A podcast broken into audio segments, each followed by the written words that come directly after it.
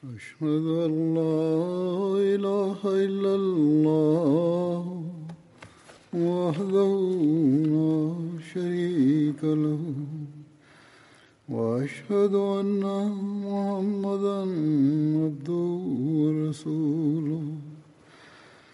أما بعد فأعوذ بالله من الشيطان الرجيم. بسم الله الرحمن الرحيم. الحمد لله رب العالمين. الرحمن الرحيم. مالك يوم الدين. إياك نعبد وإياك نستعين. اهدنا الصراط المستقيم. صراط الذين أنعمت عليهم غير المغضوب عليهم ولا الضالين.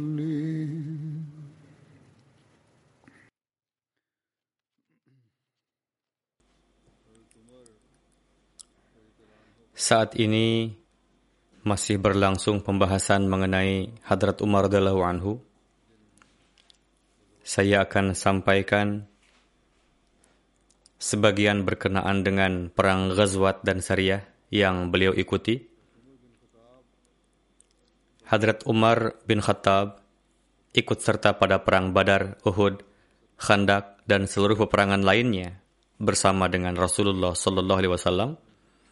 Selain itu, beliau ikut serta dalam banyak perang Syariah, yang di antaranya beliau bertindak sebagai komandan.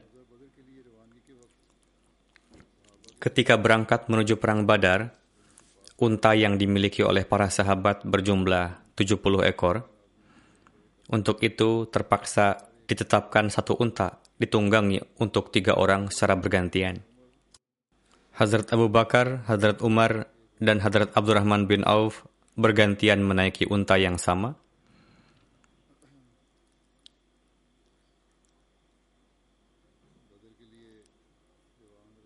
Ketika Rasulullah memberangkatkan pasukan ke Badar, berkenaan dengan itu diriwayatkan bahwa Rasulullah Shallallahu Alaihi Wasallam berangkat dari Madinah untuk mencegat kafilah Abu Sufyan yang datang dari arah Syam.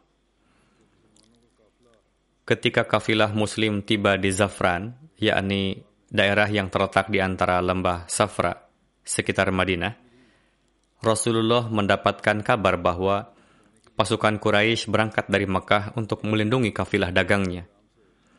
Rasulullah Shallallahu Alaihi Wasallam mengabarkan kepada para sahabat bahwa laskar pasukan Quraisy berangkat dari Mekah dengan cepatnya. Lalu beliau meminta musyawarah dari para sahabat berkenaan dengan ini, apakah dalam menghadapi musuh kalian lebih memilih kafilah dagang? Para sahabat menjawab, ya. Satu kelompok mengatakan, dalam menghadapi laskar musuh, kami lebih memilih untuk melawan kafilah dagang.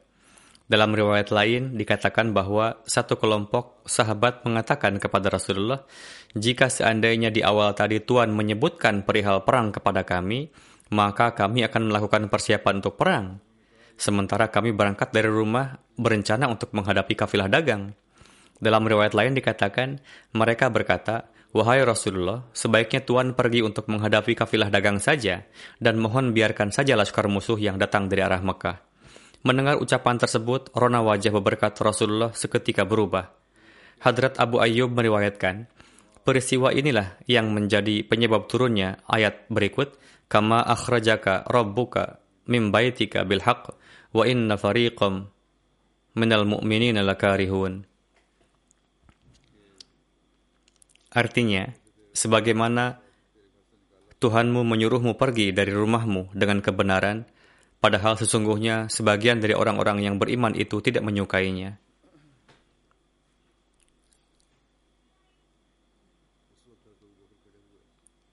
Pada saat itu Hadrat Abu Bakar berbicara sambil berdiri. Beliau menyampaikan gagasannya dengan baik. Selanjutnya Hadrat Umar berbicara sambil berdiri. Beliau menyampaikan gagasannya dengan baik. Lalu berdirilah Mikdad dan berkata, Wahai Rasulullah, silahkan Tuhan berangkat ke mana yang Tuhan perintahkan kepada Tuhan. Kami akan menyertai Tuhan. Demi Tuhan, kami tidak akan mengatakan seperti yang telah dikatakan oleh Bani Israel kepada Musa. Fadhab anta warabbuka faqatila inna hahuna qaidun. Artinya, pergilah engkau dan Tuhan engkau berperang. Kami akan duduk-duduk di sini. Para sahabat berkata, kami tidak akan seperti itu, melainkan kami akan berperang bersama Tuhan, selama nyawa masih dikandung badan. Hadrat Ibnu Abbas meriwayatkan, ketika pasukan muslim menangkap para tawanan perang badar, Hadrat Rasulullah bersabda kepada Hadrat Abu Bakar dan Hadrat Umar,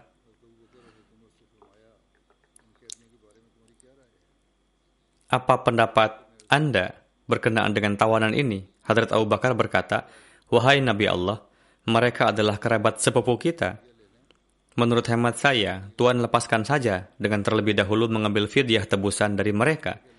Karena mereka akan memberikan kekuatan bagi kita dalam melawan kaum kufar. Dan sudah dekat waktunya, semoga Allah telah membimbing mereka kepada Islam. Rasulullah bersabda, Wahai Ibnu Khattab, apa pendapat Anda? Hadrat Umar berkata, Tidak, wahai Rasulullah, demi Tuhan, saya tidak sependapat dengan gagasan Abu Bakar. Menurut hemat saya, mohon Tuhan serahkan para tawanan kepada kami, untuk kami penggal lehernya.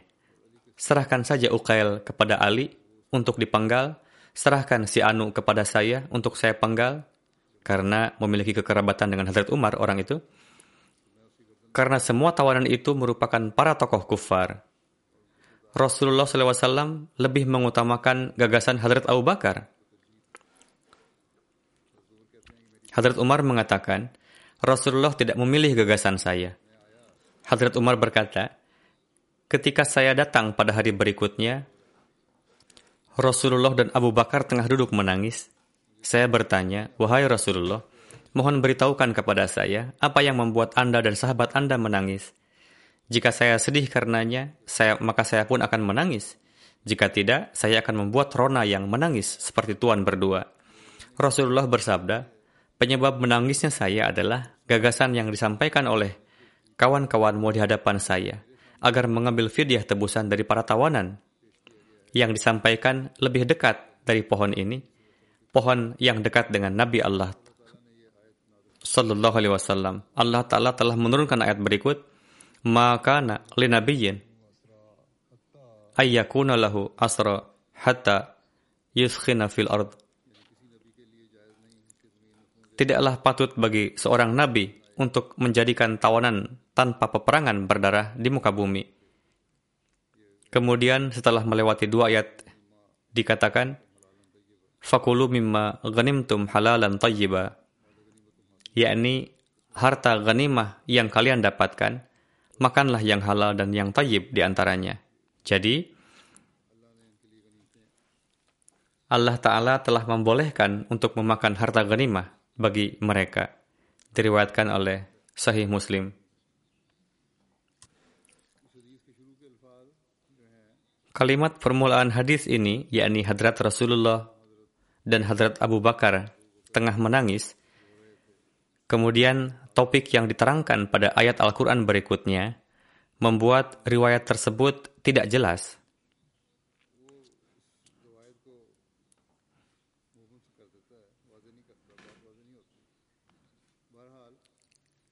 Para ahli tafsir menganggap riwayat ini sahih dalam banyak kitab sejarah dan sirat, lalu menjelaskannya bahwa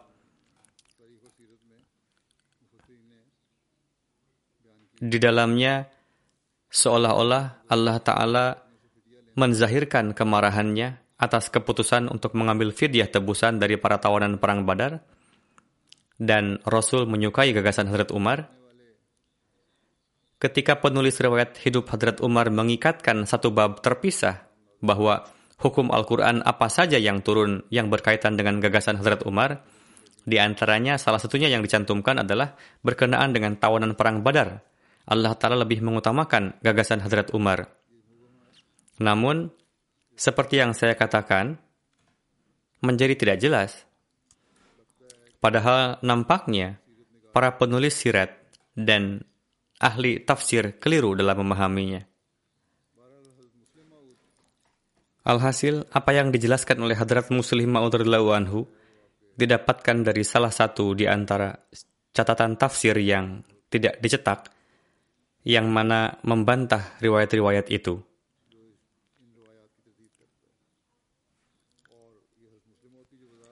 Apa yang dijelaskan oleh Hadrat Muslim Ma'ud anhu lah yang nampak benar. Nampaknya mereka telah membuat-buat riwayat tersebut dengan tujuan untuk meninggikan kedudukan Hadrat Umar atau riwayat tersebut difahami keliru. Hadrat Muslim Maud bersabda, dalam menafsirkan surah Al-Anfal ayat 68 bahwa terdapat tradisi bangsa Arab sebelum lahirnya Islam, beliau menulis, sangat disayangkan di beberapa belahan dunia sampai saat ini masih berlangsung, yakni walaupun tidak ada perang dan walaupun tidak ada pertempuran, kebiasaan bangsa Arab adalah tetap saja menangkap para tawanan dan menjadikannya budak belian. Ayat tersebut memansuhkan tradisi tercela tersebut dan memerintahkan dalam kalimat yang jelas bahwa hanya dalam kondisi perang saja dan setelah melalui pertempuranlah pasukan musuh bisa dijadikan tawanan. Jika tidak terjadi pertempuran, maka tidak dibenarkan untuk menawan siapa pun. Ayat tersebut telah ditafsirkan keliru. Dikatakan bahwa ketika pasukan muslim menangkap tawanan pasukan Quraisy pada perang Badar, Rasulullah meminta musyawarah dari para sahabat apa yang harus dilakukan. Hadrat Umar menyampaikan gagasan untuk membunuh para tawanan itu Sementara Hadrat Abu Bakar menyampaikan gagasan untuk mengambil fidyah tebusan dari mereka, lalu dilepaskan.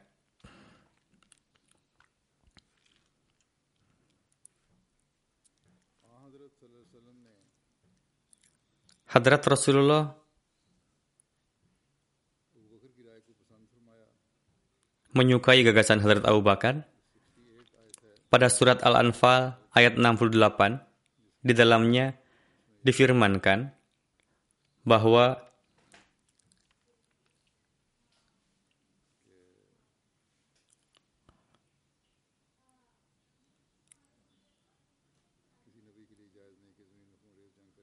tidaklah dibenarkan bagi seorang nabi untuk menjadikan tawanan tanpa peperangan berdarah di muka bumi. Dalam menjelaskan hal itu, Hadrat Muslim Ma'ud bersabda, Gagasan yang diberikan oleh Hadrat Abu Bakar berbeda dengan Hadrat Umar. Hadrat Rasulullah lebih memilih gagasan Hadrat Abu Bakar, yakni mengambil tebusan dari para tawanan lalu melepaskannya. Namun dikatakan, ketika ayat ini turun, seolah-olah Rasulullah tidak menyukai amalan tersebut, yakni lebih baik membunuh para tawanan, bukan mengambil tebusan dari mereka. Itu diambil dari tafsir Tabari.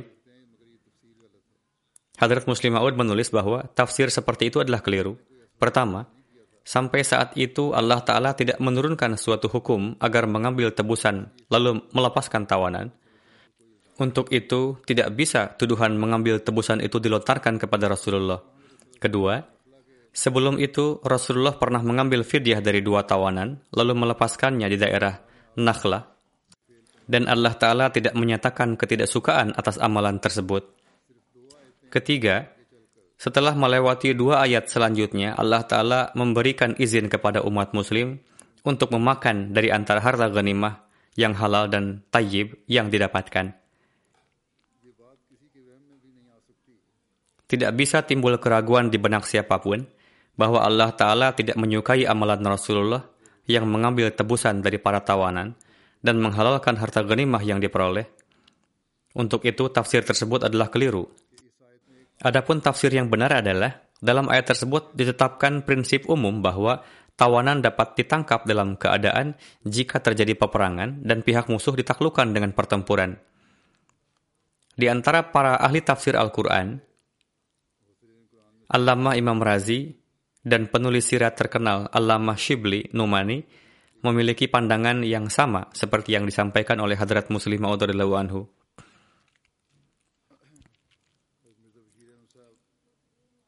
Hadrat Mirza Bashir Ahmad Sahib menulis, Sesampainya di Madinah, Hadrat Rasulullah meminta musyawarah berkenaan dengan para tawanan. Tradisi di Arab pada masa itu, pada umumnya para tawanan dibunuh atau dijadikan budak belian. Namun tabiat Rasulullah tidak tega melakukan hal itu. Terlebih pada saat itu masih belum turun hukum dari Tuhan berkenaan dengan itu, Hadrat Abu Bakar bertanya,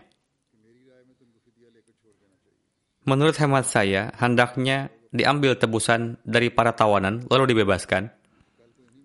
Karena bagaimanapun, mereka adalah saudara kita juga dan tidaklah mengherankan jika di antara mereka suatu hari nanti ada yang beat masuk Islam.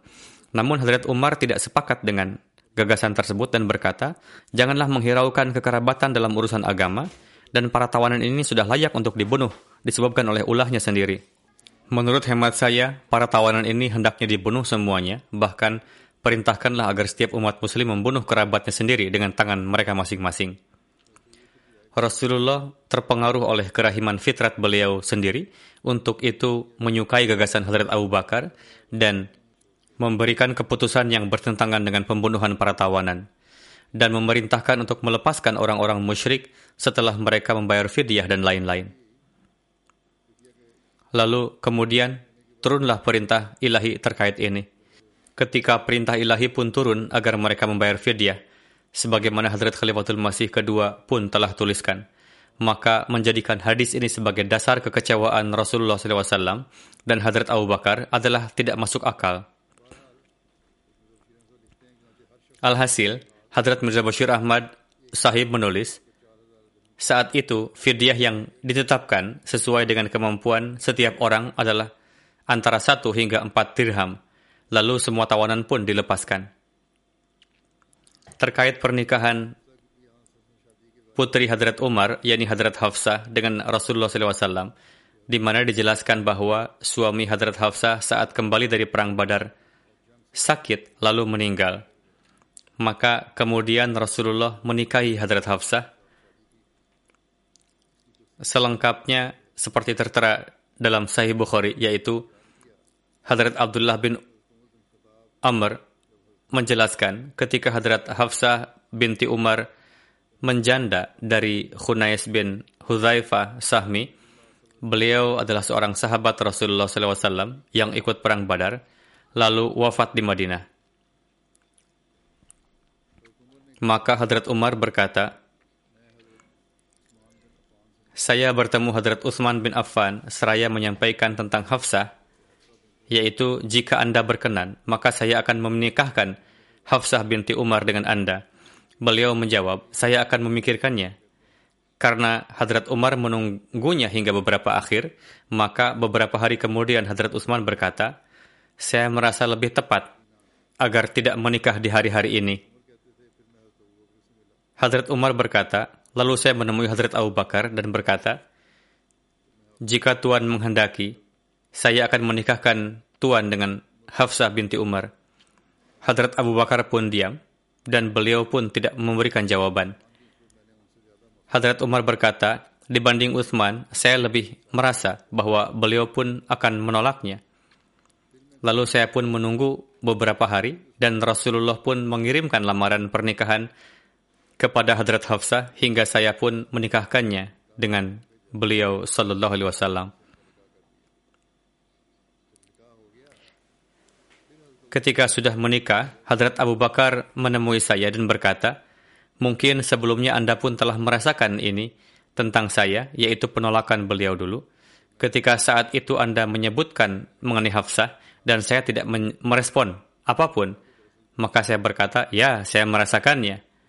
Beliau berkata, sebenarnya tentang hal yang Anda sampaikan itu, tidak ada halangan dari saya untuk tidak menjawabnya, namun saya mengetahui bahwa Rasulullah pernah menyebutkan Hadrat Hafsah, dan tidaklah saya akan menampakkan rahasia tentang Rasulullah SAW ini. yakni saat itu Hadrat Abu Bakar telah mengetahui bahwa Rasulullah SAW telah menyatakan keinginannya untuk meminang Hadrat Hafsah. Dan beliau tidak dapat menyampaikan rahasia Rasulullah SAW tersebut.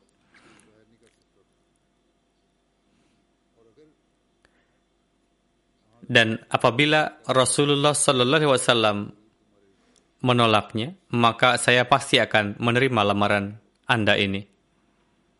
Inilah jawaban yang telah diberikan oleh Hadrat Abu Bakar. Rincian peristiwa ini pun terdapat dalam buku Sirat Khatamun Nabiyyin, karya Hadrat Mirza Bashir Ahmad Sahib, dikatakan bahwa salah satu putri Hadrat Umar bin Khattab yang bernama Hafsah, dulu beliau dinikahkan dengan Khunais bin Hudzaifah, seorang sahabat mukhlis yang ikut dalam perang Badar. Setelah perang Badar, Khunais pun sakit sekembalinya ke Madinah dan karena penyakit itu pun beliau lantas tak tertolong meninggal. Beberapa masa setelah kewafatan beliau, Hadrat Umar berpikir keras untuk menikahkan Hadrat Hafsah kembali. Saat itu usia Hafsah adalah di atas 20 tahun. Karena kesederhanaan fitrat Hadrat Umar, beliau pun menemui Hadrat Utsman bin Affan dan menyampaikan, Anakku Hafsah telah menjanda dan sekiranya Anda menghendaki, menikahlah dengannya. Namun Hadrat Utsman menolaknya. Setelah itu Hadrat Umar menyampaikan kepada Hadrat Abu Bakar, di mana Hadrat Abu Bakar pun diam dan tak menjawabnya. Hadrat Umar amat sedih dengan ini, dan dalam kesedihan inilah beliau menemui Rasulullah dan menceritakan semuanya. Beliau bersabda, Umar, janganlah khawatir, Tuhan telah meridai agar Hafsah mendapatkan suami yang lebih baik dari Utsman dan Abu Bakar, dan Utsman akan mendapatkan istri yang lebih baik dari Hafsah. Rasulullah bersabda demikian karena beliau telah bermaksud menikahi Hafsah, serta menikahkan putri beliau yaitu Ummi Kulsum dengan Hadrat Utsman, di mana baik Hadrat Abu Bakar dan Hadrat Utsman keduanya telah mengetahui ini. Dan atas alasan ini pula lah, keduanya telah menolak permintaan Hadrat Umar tersebut. Beberapa waktu setelahnya, Rasulullah pun menikahkan putri beliau Ummi Kulsum dengan Hadrat Utsman. Lalu kemudian beliau pun melamar Hafsah kepada Hadrat Umar. Dengan demikian, apalagi yang diinginkan oleh Hadrat Umar lebih dari itu? Beliau menerima lamaran ini dengan sangat bahagia dan pada bulan Syaban tahun 3 Hijriah pun Hadrat Hafsah menikah dengan Rasulullah dan masuk dalam keluarga Nabi. Setelah lamaran ini, Hadrat Abu Bakar pun berkata kepada Hadrat Umar, Mungkin dalam hati engkau ada kekecewaan terhadap saya. Saya sebenarnya adalah telah mengetahui iradah Rasulullah, namun saya tidak sanggup menyampaikan rahasia ini tanpa izin beliau. Ya, seandainya beliau tak beriradah demikian, maka dengan amat senang saya pasti akan melamar Hafsah. Di pernikahan Hafsah ada satu maksud khusus, yaitu sebagaimana beliau, yakni Hadrat Hafsah adalah putri Hadrat Umar, yang dianggap sebagai wujud yang sangat mulia setelah Hadrat Abu Bakar dan termasuk di antara para sahabat terdekat Rasulullah. Lantas demi semakin menguatkan hubungan dan demi menjauhkan Hadrat Umar dan Hadrat Hafsah dari kesedihan itu, yaitu dari kewafatan Khunais bin Hudzaifah yang tak pada waktunya, Rasulullah menganggap tepat agar beliau menikahi Hafsah. Lalu maksud lain secara umum adalah bahwa dengan sedemikian banyaknya jumlah istri-istri Rasulullah, maka penyampaian tablik dan taklim kepada kaum wanita yang meliputi setengah umat manusia, bahkan di beberapa tempat lebih dari ini, akan menjadi dapat semakin luas, semakin mudah, dan semakin baik.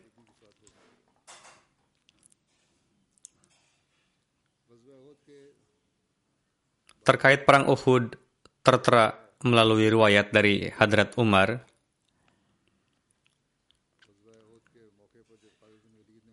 Pada waktu Perang Uhud, Khalid bin Walid menyerang umat Islam, dan saat itu umat Islam tak sanggup melawan serangan tiba-tiba tersebut. Mengenai ini, secara rinci Hadrat Mirza Bashir Ahmad Sahib menulis, Laskar Quraisy telah mengepung kurang lebih di semua arah, dan mereka terus-menerus menekan dengan serangan-serangannya. Umat Islam pun beberapa saat setelahnya dapat kembali melawan mereka, namun kegeraman timbul tatkala seorang prajurit prajurit pemberani Quraisy yaitu Abdullah bin Qam'ah menyerang pimpinan umat Islam yaitu Hadrat Mus'ab bin Umair yang saat itu tengah mengambil memegang bendera dan tangan kiri beliau tertebas karena pedangnya. Dengan sigap Mus'ab segera memeluk bendera itu dengan tangan yang satu lagi dan maju untuk melawan Ibnu Qamiyah. Namun serangan yang kedua telah membuat tangan kanan beliau pun tertebas. Maka dari itu Mus'ab pun menggunakan kedua sisa tangannya yang tertebas itu untuk berupaya menegakkan panji Islam yang akan jatuh dengan memeluknya di dada beliau. Lalu Ibnu Qamiyah pun menebas untuk yang ketiga kalinya, dan saat itu Mus'ab pun jatuh dan syahid. Muslim lain lantas maju merebut dan memegang erat panji itu. Namun karena postur tubuh Mus'ab tampak seperti Rasulullah, maka Ibnu Qamiyah pun menganggap bahwa ia telah membunuh Muhammad sallallahu alaihi wasallam atau mungkin juga ia berencana jahat untuk mengecoh semata. Maka dari itu, setelah pensyahidan Mus'ab, ia berseru bahwa dirinya telah membunuh Muhammad sallallahu alaihi wasallam. Kabar ini menyurutkan semangat umat Islam dan menyebabkan mereka tercerai-berai. Banyak sahabat yang sangat khawatir dan berlari dari medan pertempuran.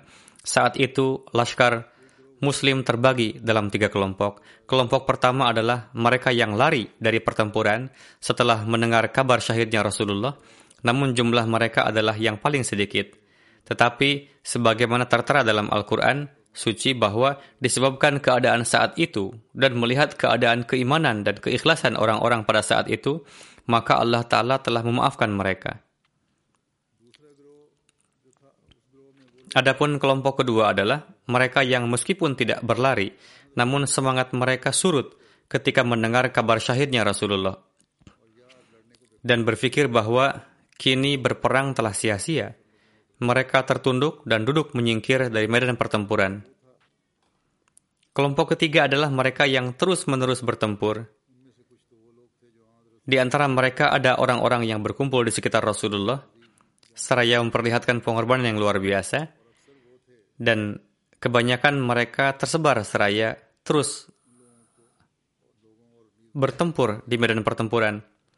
Mereka itu bersama orang-orang kelompok kedua, Ketika kabar masih hidupnya Rasulullah mereka ketahui, mereka pun lantas bertempur dengan sangat luar biasa hingga berkumpul kembali di sekitar beliau.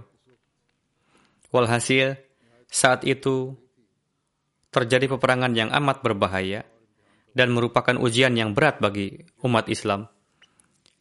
Lalu sebagaimana telah dijelaskan bahwa setelah mendengar kabar syahidnya Rasulullah, banyak sahabat yang patah semangat lalu menjatuhkan senjata mereka dan menyingkir dari medan pertempuran. Di antara mereka pun ada Hadrat Umar yang tertunduk seraya duduk di satu sisi.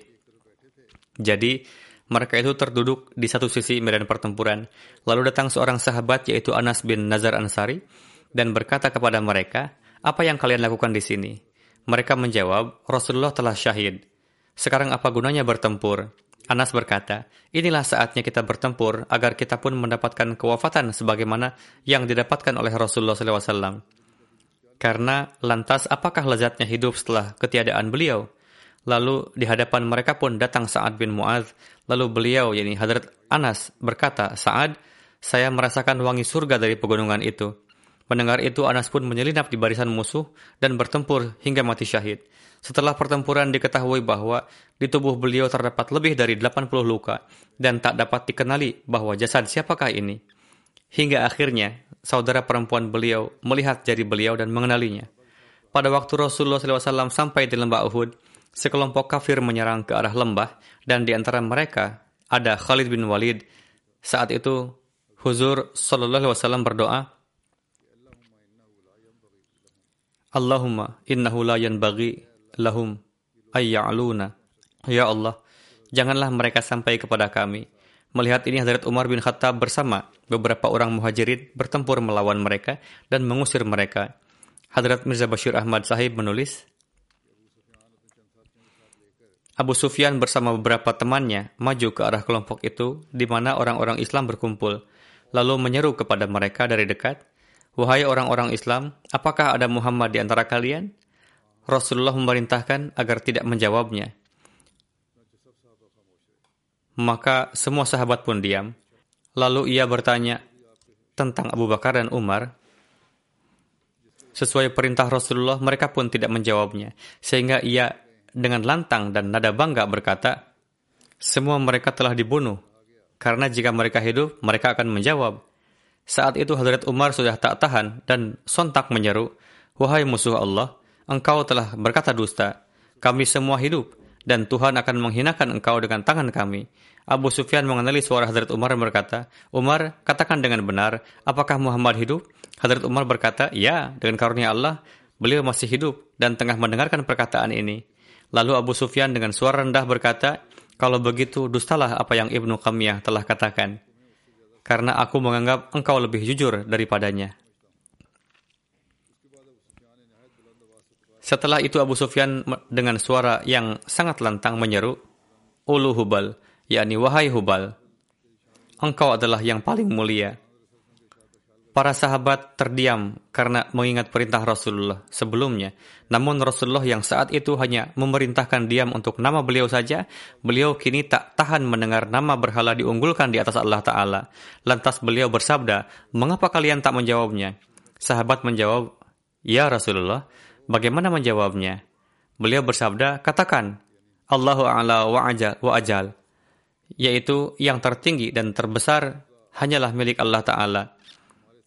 Abu Sufyan berkata, Lanal uzza wala uzza lakum. Bersama kami ada uzza dan tidak ada kemuliaan bersamamu. Rasulullah bersabda kepada para sahabat, katakanlah, Allahu maulana wala maula lakum. Apakah kedudukan uzza itu? Kami memiliki Allah, penolong kami dan tidak ada penolong bagimu. Setelah itu Abu Sufyan berkata, peperangan adalah laksana periuk yang terkadang ia berada di atas dan terkadang berada di bawah. Jadi anggaplah ini sebagai balasan dari Badar, dan kalian akan mendapatkan sedemikian banyak jasad yang terpotong. Aku tidak memerintahkannya, namun ketika aku mengetahuinya, aku tidak merisaukan perlakuan orang-orangku itu. Dan antara kami dan kalian akan ada peperangan di tahun depan, di hari-hari yang sama, di tempat Badar. Seorang sahabat menjawab sesuai perintah Rasulullah bahwa ini menjadi janji yang sangat baik.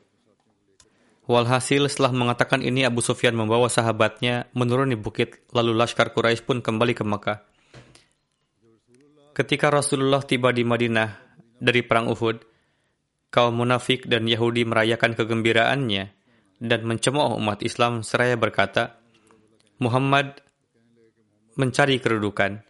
Namun hingga kini tak ada seorang nabi pun yang tertimpa kerugian demikian besar kecuali yang terhadap Muhammad. Ia sendiri telah terluka, para sahabatnya pun terluka. Lalu berkata, jika orang yang telah terbunuh itu ada bersama kami, niscaya mereka tak akan terbunuh. Lalu Hadrat Umar meminta izin kepada Rasulullah untuk membunuh orang-orang munafik itu karena ucapan-ucapan keji mereka. Maka Rasulullah bersabda, Bukankah mereka telah bersaksi bahwa tidak ada yang patut disembah selain Allah dan aku adalah Rasul Allah? Bukankah mereka telah mengucapkan syahadat? Atas hal ini, Hadrat Umar berkata, ya tentu, mereka mengatakannya, namun juga berujar kemunafikan. Hadrat Umar berkata, mereka mengatakannya karena takut akan pedang. Sehingga telah nampaklah maksud mereka. Jadi maksud mereka telah jelas. Kini tatkala maksud hati mereka telah jelas dan Allah telah menampakkan kedengkian mereka maka hendaknya membalas dendam kepada mereka, hendaknya menghukum mereka, Rasulullah bersabda, Aku melarang untuk membunuhnya, yaitu mereka yang telah melafalkan syahadat. Siapa saja yang telah mengucapkan syahadat, aku melarang untuk membunuhnya. Terkait ini akan dilanjutkan nanti. Pembahasan ini saya cukupkan di sini karena ada beberapa almarhum yang ingin saya sampaikan.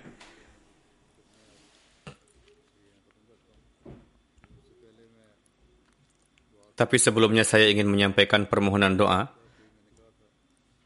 pada minggu yang lalu pun saya telah sampaikan, doakan untuk warga Palestina yang terzalimi, meskipun telah terjadi gencatan senjata, namun sejarah memberitahu kita bahwa setelah beberapa lama kemudian dengan satu dan lain cara, dengan satu dan lain alasan, musuh akan terus menjadikan warga Palestina sasaran kezaliman, dan itu dilakukan dengan berbagai dalih. Semoga Allah Ta'ala menurunkan kasih sayangnya dan memberikan kemerdekaan yang hakiki kepada warga Palestina. Semoga Allah telah memberikan kepada mereka seorang pemimpin yang memiliki kecerdasan dan pandangan ke depan, dan juga kekuatan yang berani mengutarakan pandangannya dan mengambil haknya. Demikian juga untuk para Ahmadi yang terus menjadi sasaran kezaliman, khususnya di Pakistan. Banyak-banyaklah doakan mereka, semoga senantiasa dalam perlindungannya. Jenazah yang pertama pada hari ini adalah Quraisy Muhammad Fazlullah Sahib, Naib Nazir Isyaat Kadian yang wafat pada 27 April. Inna lillahi wa inna ilaihi raji'un. Kakek dari ayahanda dan ibunda beliau adalah Hadrat Munshi Meher Din Sahib radhiyallahu anhu yang merupakan sahabat Hadrat Masih Maud salam yang melaluinya Ahmadiyah masuk dalam keluarga beliau dan namanya tertulis dalam daftar pembayar candah pembangunan Binardul Masih.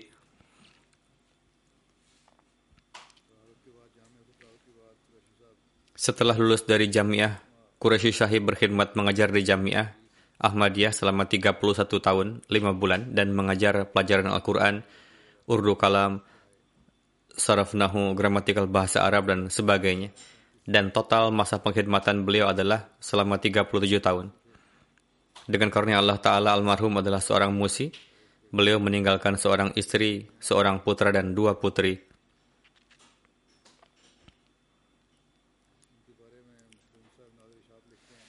Makhdum Sahib Nazir Isyaat menulis mengenai beliau bahwa ketika di jamiah, beliau adalah seorang dosen yang penuh kasih sayang. Beliau memperlakukan para mahasiswa dengan penuh cinta, keakraban dan persahabatan, serta selalu bekerja dengan kejujuran dan ruh wakaf. Beliau seorang yang tepat waktu. Beliau juga mengajarkan kepada para mahasiswa untuk tepat waktu. Sebagian besar mubalik di India adalah murid beliau, dan mereka mendapatkan faedah dari beliau dan beliau sosok yang sangat sederhana. Beliau tidak banyak berbicara, namun pembicaraan beliau berbobot dan syarat ilmu. Beliau pernah mendapatkan taufik berkhidmat sebagai naib sadar Khuddamul Ahmadiyah India. Beliau juga mendapatkan taufik berkhidmat sebagai naib editor surat kabar surat kabar Al-Badar selama 34 tahun. Beliau juga sebagai editor majalah Mishkat Beliau juga anggota Komite Sejarah Ahmadiyah India. Beliau juga meninjau kembali Ruhani Khazain edisi yang sudah dikomputerisasi. Mencari kekeliruan-kekeliruan di dalamnya dan memperbaikinya di bawah arahan beliau. Beliau melakukan pengecekan dan peninjauan kembali atas semuanya dengan sangat teliti beliau melakukan peninjauan kembali secara keseluruhan beberapa buku Hadrat Masih Maud salam yang dicetak terpisah, khususnya Barahin Ahmadiyah, Arya Dharam, dan Sat Bacan, dan sebagainya. Beliau mengecek dengan teliti referensi-referensi yang diberikan Hadrat Masih Maud salam di buku-buku tersebut dari kutipan aslinya dan dari Grant serta Weda. Satu persatu perbedaan yang nampak dalam pelafalan kata dan penerjemahan beliau tandai, melakukan penelitian dengan sempurna mengenai segala permasalahan adalah merupakan keistimewaan beliau dan beliau melakukan pencarian, tinjauan, dan pengecekan referensi-referensi di buku Arya Dharam dan Sat Bacan dengan penuh kerja keras.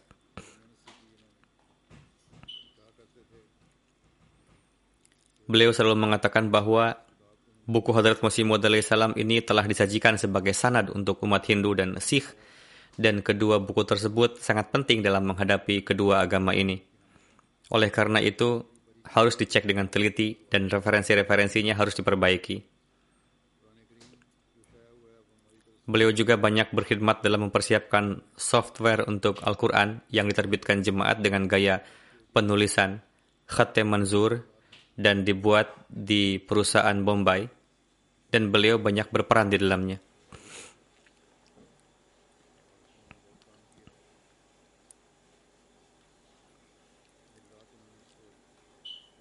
Siang malam beliau bekerja untuk perbaikan, akurasi, dan kesahihannya. Demikianlah Al-Quran sederhana dengan gaya tulisan Khatem Manzur telah dicetak. Beliau juga banyak bekerja dalam mempersiapkan Al-Quran terjemahan bahasa Inggris oleh Hadrat Maulwi Syar Ali Sahib. Ini juga insya Allah dalam waktu dekat akan siap. Beliau banyak berperan dalam hal ini. Demikian juga karya terjemahan Hadrat Mir Ishaq Sahib.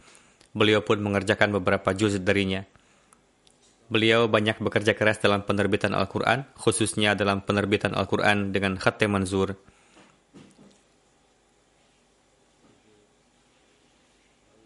Nazir Isyaat menulis, Almarhum adalah dosen saya dan paman saya juga.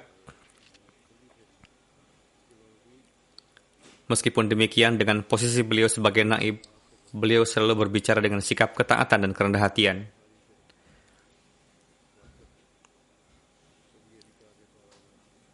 Tidak pernah mengatakan bahwa saya adalah dosen kamu, atau dari sisi hubungan keluarga saya lebih tua dari kamu.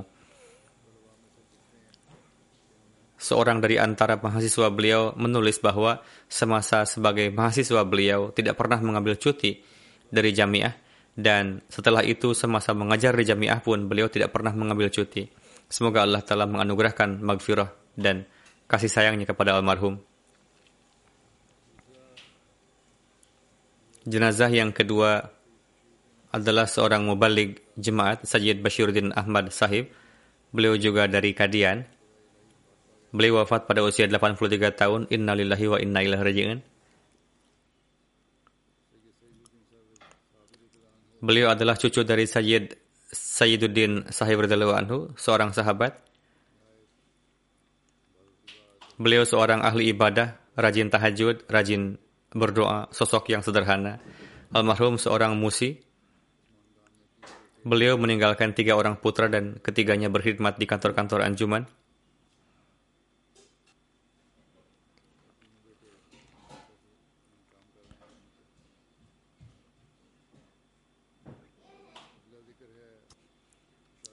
Jenazah selanjutnya seorang wakif zindagi Basharat Ahmad Sahib Haidar dari Kadian, putra dari Faiz Ahmad Sahib Shana. Beliau wafat pada usia 71 tahun. Inna lillahi wa inna ilaihi raji'un. Almarhum adalah cucu dari Hadrat Abdul Karim Sahib yang menjadi tanda kebenaran Hadrat Masih Maud salam dengan kesembuhannya dari gigitan anjing. Almarhum mewakafkan diri dan pindah dari Karnatak ke Kadian.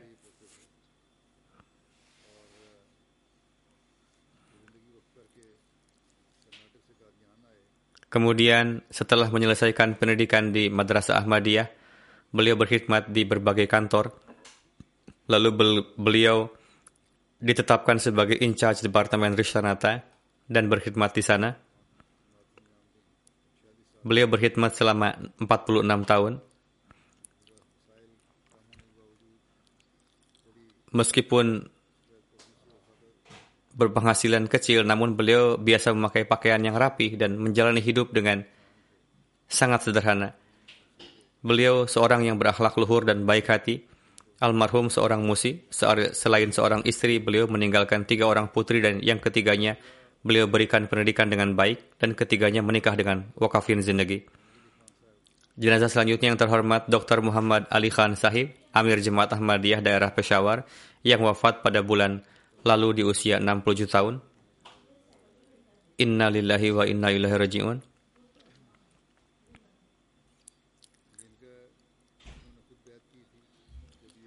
Beliau bayat di masa sebagai mahasiswa FSC di Kadia di sana.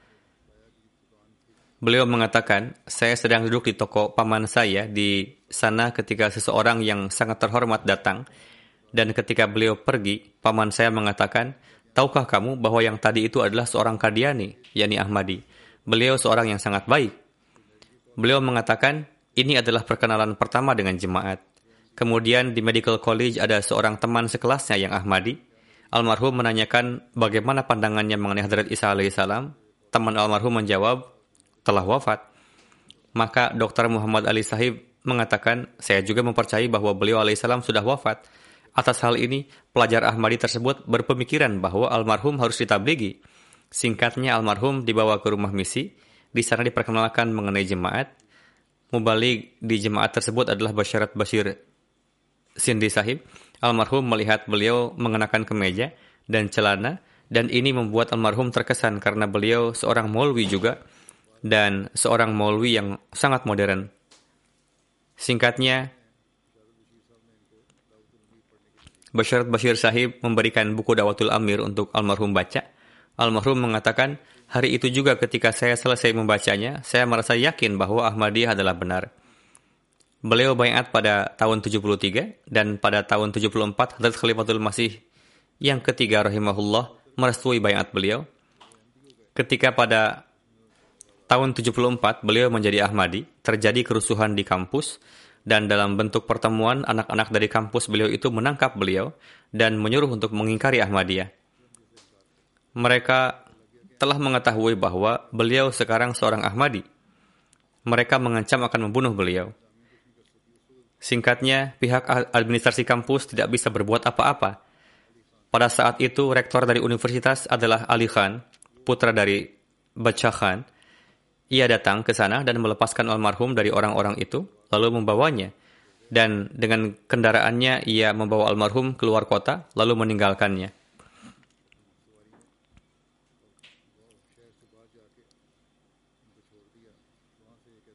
Almarhum mengatakan, dari sana saya berjalan ke kampung saya dengan telanjang kaki, dan ayah saya mengatakan, kamu telah menjerumuskan dirimu sendiri dalam kesulitan, dan telah merusak nama baik kami. Mengapa tidak tinggalkan saja Ahmadiyah? Beliau menjawab, saya tidak bisa meninggalkan Ahmadiyah. Selanjutnya terus terjadi perdebatan dengan ayah almarhum dan dikarenakan kondisi yang memburuk almarhum tidak bisa melanjutkan pendidikannya. Kondisinya sangat buruk waktu itu, namun almarhum tetap teguh dalam jemaat. Suatu hari ayah almarhum mengatakan, mari kita selesaikan masalah ini, tinggalkanlah Ahmadiyah. Almarhum mengatakan, bagi saya hanya ada satu cara untuk menyelesaikan ini, yaitu ketika Anda mengirim makanan untuk saya, campurkanlah racun di dalamnya supaya saya mati, dan masalah Anda akan terselesaikan. Almarhum mengatakan kepada ayahnya, karena saya tidak bisa meninggalkan Hazrat Masih Maud salam dan jemaat beliau alaihissalam. Setelah peristiwa itu, ayahanda beliau tidak pernah meminta beliau meninggalkan Ahmadiyah. Ketika ayahanda beliau wafat, Beliau pergi untuk melihat jenazah ayahnya namun tidak melaksanakan salat jenazah. Orang-orang mengatakan ini sangat bertentangan dengan tradisi kesukuan dan mereka mengungkapkan kebencian mereka. Anak macam apa tidak mau menyalatkan jenazah ayahnya? Maka beliau mengatakan, bagi saya Hazrat Masih Maud Islam lebih penting. Hal lainnya urusan belakangan. Demikian juga ibunda beliau memperlakukan beliau dengan sangat buruk. Ia mengatakan, kamu bukan anakku, dan mengeluarkan almarhum dari hak atas harta kekayaan dan sebagainya. Maka setelah itu almarhum tidak pernah kembali ke kampungnya, namun terus membantu ibundanya dan biasa datang ke rumah pamannya. Dari sana beliau merawat ibunya dan memberikan bantuan secara finansial. Ketika ibunda beliau meninggal pun beliau tidak menyalatkan jenazahnya. Demikian juga beliau membayatkan seorang adik laki-lakinya Adiknya ini pun tidak ikut menyalatkan jenazah ibunya. Atas hal ini orang-orang melontarkan keberatan, tuduhan, anak macam apa mereka ini. Kemudian beliau mengatakan bahwa sejauh menyangkut persoalan gairat kejemaatan, karena orang ini terus-menerus mencaci maki Hadrat Masih Maud salam, maka kami tidak bisa menyalatkan jenazahnya. Beliau memperlihatkan gairat yang luar biasa. Beliau berkhidmat selama 37 tahun di ketentaraan dan pensiun dengan pangkat sebagai letnan. Beliau seorang dokter. Pada saat pensiun, beliau juga mendapatkan medali penghargaan militer dari presiden. Setelah itu beliau bekerja sebagai asisten profesor, jadi asisten dosen di Nasir Teaching Hospital, Peshawar, dan menjabat sebagai kepala departemen psikologi. Pada usia 32 tahun, Hadrat Khalifatul Masih yang keempat menetapkan beliau sebagai Amir Jemaat di Provinsi Perbatasan dan daerah Peshawar, serta Ketua Jemaat Peshawar. Pada tahun 85, beliau ditetapkan sebagai Dewan Direksi Wakfi Jadid dan hingga akhir hayatnya beliau masih tetap pada jabatan ini. Demikian juga beliau adalah anggota Fazli Umar Foundation, Tahir Foundation, serta anggota tetap Shuro. Adik laki-laki beliau, Kolonel Ayub Sahib yang telah menerima Ahmadiyah, sebagaimana telah saya sampaikan, menikah dengan putri dari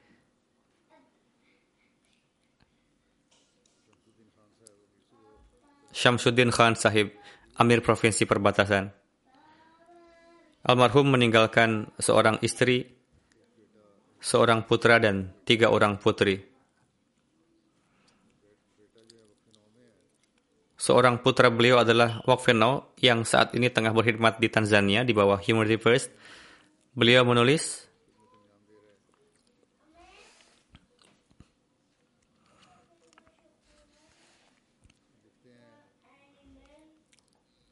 Beliau menulis, Dr. Muhammad Adi Khan Sahib memiliki satu keistimewaan yang menonjol dalam hal kebenaran, kejujuran, tidak mementingkan diri sendiri, dan integritas. Beliau tidak pernah membahas kekayaan, pengeluaran, harta duniawi, atau semacamnya.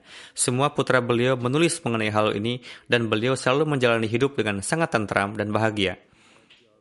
Dalam setiap keadaan ketika Peshawar dalam kondisi yang sangat sulit, beliau memimpin jemaat di Peshawar dengan sangat baik dan sepenuhnya berserah diri pada bantuan dan pertolongan Allah Ta'ala. Jemaat Peshawar sangat berduka atas kewafatan beliau. Beliau memiliki hubungan yang erat dengan khilafat dan ketaatan beliau pun patut diteladani. Beliau memiliki hubungan kecintaan dengan Hadrat Masih Maud dan Hadrat Rasulullah, Rasulullah SAW. Seorang yang senantiasa siap melakukan segala pengorbanan untuk ketauhidan Allah Ta'ala seorang yang memiliki banyak keistimewaan. Jenazah selanjutnya adalah yang terhormat Muhammad Rafiuddin Khan Syahzadah Sahib dari Rabah yang wafat pada 30 Maret. Inna lillahi wa inna ilaihi raji'un. Beliau berusia 81 tahun. Almarhum adalah cucu dari sahabat Hadrat Masih Maud salam, Hadrat Ulam Rasul Sahib Afghan dan Aisyah Pathani sahibah serta cicit dari Hadrat Abdul Sattar Khan Sahib Al-Ma'ruf Buzrug Sahib. Beliau seorang ahli ibadah dan sejak masa muda beliau rajin tahajud, seorang yang memiliki gairah keagamaan dan penuh semangat, seorang yang memiliki kepribadian suci. Pada saat sakitnya yang terakhir di rumah sakit, beli, meskipun beliau menderita gangguan pernafasan, namun tetap membaca Al-Quran dengan suara lantang.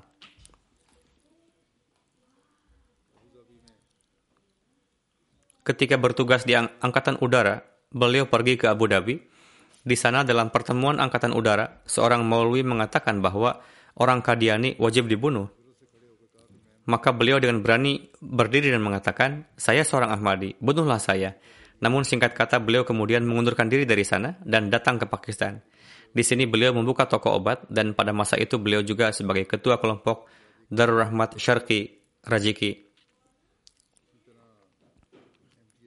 Demikian juga beliau ikut serta dalam program Pushto Muzakarah di MTA kurang lebih 50 episode.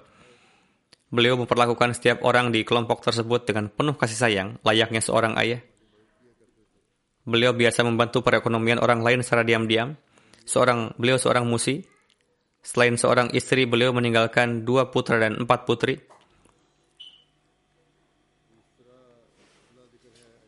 Jenazah selanjutnya Ayaz Yunus Sahib dari Australia.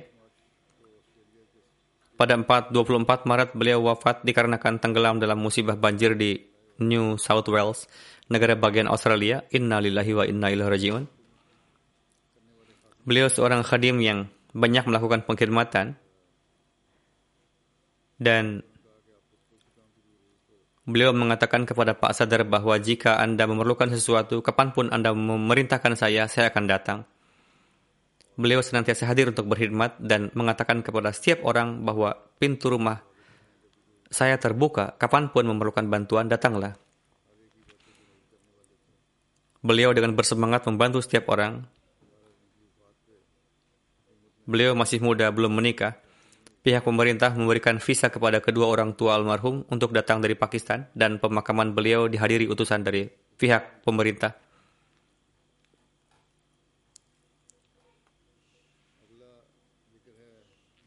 Jenazah berikutnya adalah Mia Tahir Ahmad Sahib bin Mia Kurban Hussein Sahib.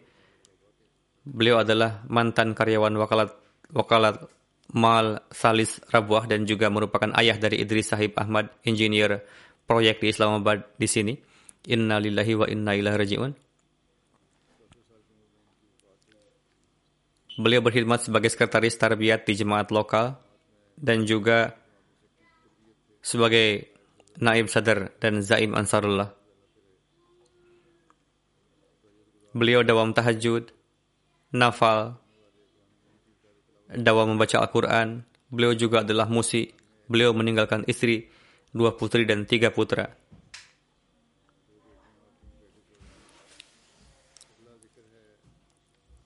Jenazah berikutnya adalah Rafiq Aftab Sahib, UK, ayahanda dari Farooq Aftab Sahib.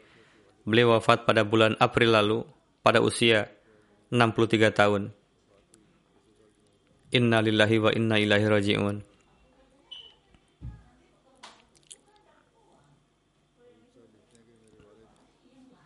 Faruk Sahib menulis, ayah saya memiliki banyak sekali keistimewaan. Rendah hati, saleh, dapat bergaul dengan siapa pun, periang, dan berkepribadian mulia. Beliau periang dan menghormati orang lain, pengkhidmat tamu. Banyak sekali orang yang menelepon kami dan menyampaikan kelebihan tersebut. Beliau sangat mukhlis dan pecinta, selalu menekankan kepada anak-anak untuk menjalinkan hubungan dengan khilafat Berkat itulah putra-putra beliau saat ini berkhidmat di jemaat. Jenazah berikutnya adalah yang terhormat Zarina Akhtar Sahibah, istri dari Mirza Nasir Ahmad Sahib Certi masih. Beliau adalah dosen Jamiah Ahmadiyah UK dan wafat pada bulan lalu. Inna lillahi wa inna ilaihi. Beliau juga adalah putra keturunan sahabat Harta Masih Maud salam Beliau memenuhi hak untuk mengkhidmati orang tua, mertua dengan penuh kesabaran dan rasa syukur. Beliau juga melewati hidup dengan wakif zindagi dengan penuh kesetiaan dan kona'ah. Beliau juga tinggal di Ghana. Meskipun kondisi ekonomi yang sangat sulit, namun beliau melewatinya dengan penuh kesabaran dan rasa syukur. Tidak pernah mengeluh, beliau adalah musiah. Satu putra beliau adalah wakif zindagi bernama Mirza Tokir Ahmad saat ini berkhidmat di MTA. Jenazah berikutnya adalah Hafiz Muhammad Akram Sahib wafat di bulan ini di Tahir Hart pada usia 80 tahun.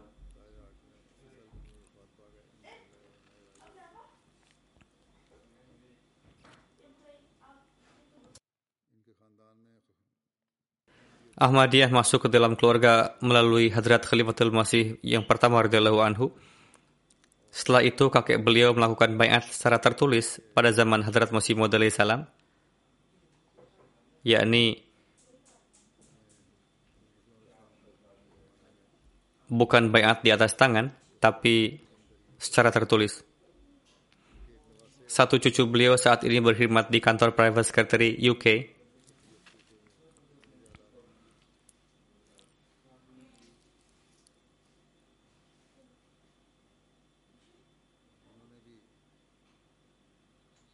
Beliau juga mempersembahkan diri untuk berkhidmat di jemaat.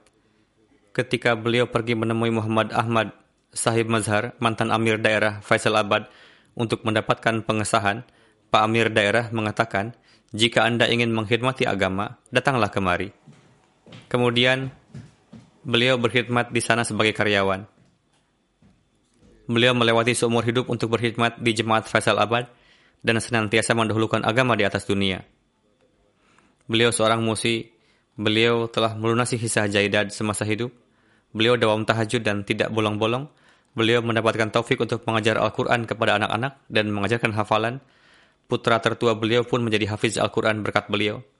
Jenazah berikutnya adalah yang terhormat Chaudhry Nur Ahmad Nasir Sahib wafat beberapa hari lalu pada usia 82 tahun. Beliau adalah putra sulung dari Chaudhry Muhammad Abdullah Sahib Darwish Kadian. Dua putra beliau dengan karunia Allah Ta'ala adalah wakaf zindagi. Pertama, berkhidmat sebagai prinsipal sekolah kita di Liberia. Kedua, Mansur Ahmad Nasir yang juga merupakan prinsipal dan Mansur Ahmad Muzaffar mendapatkan taufik berkhidmat di Ghana sebagai mubalik. Keduanya tidak dapat menghadiri prosesi jenazah almarhum karena tengah berkhidmat di rantau almarhum adalah Musi. Jenazah berikutnya adalah yang terhormat Mahmud Ahmad Minha Sahib bin Hakim Abdullah Minha Sahib wafat pada bulan lalu di usia 75 tahun. Inna lillahi wa inna ilaihi raji'un.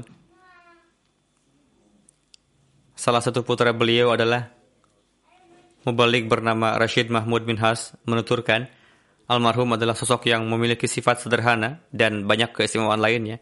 Dawa melaksanakan tahajud, pencinta khilafat, dan senantiasa bersedia untuk menolong orang-orang miskin dan membutuhkan. Sehubungan putra beliau tersebut saat ini tengah berkhidmat di Ghana sehingga tidak bisa menghadiri dalam pengurusan jenazah almarhum. Begitu juga saudara beliau lainnya yang saat ini tengah berada di Malaysia. Semoga Allah telah menganugerahkan ketabahan kepada anak keturunan dan keluarga yang tinggalkan oleh para almarhum.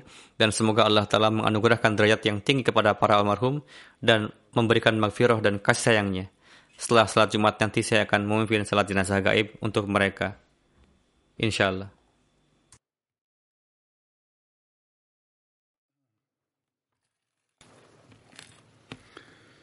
الحمد لله الحمد لله نحمده ونستعينه ونستغفره ونؤمن به ونتوكل عليه ونعوذ بالله من شرور أنفسنا ومن سيئات أعمالنا. من يهده الله فلا مضل له ومن يضلل فلا هادي له. ونشهد أن لا إله إلا الله ونشهد أن محمدا عبده ورسوله. عباد الله رحمكم الله. إن الله يأمر بالعدل والإحسان وإيتاء ذي القربى وينهى عن الفحشاء والمنكر والبغي يعظكم لعلكم تذكرون.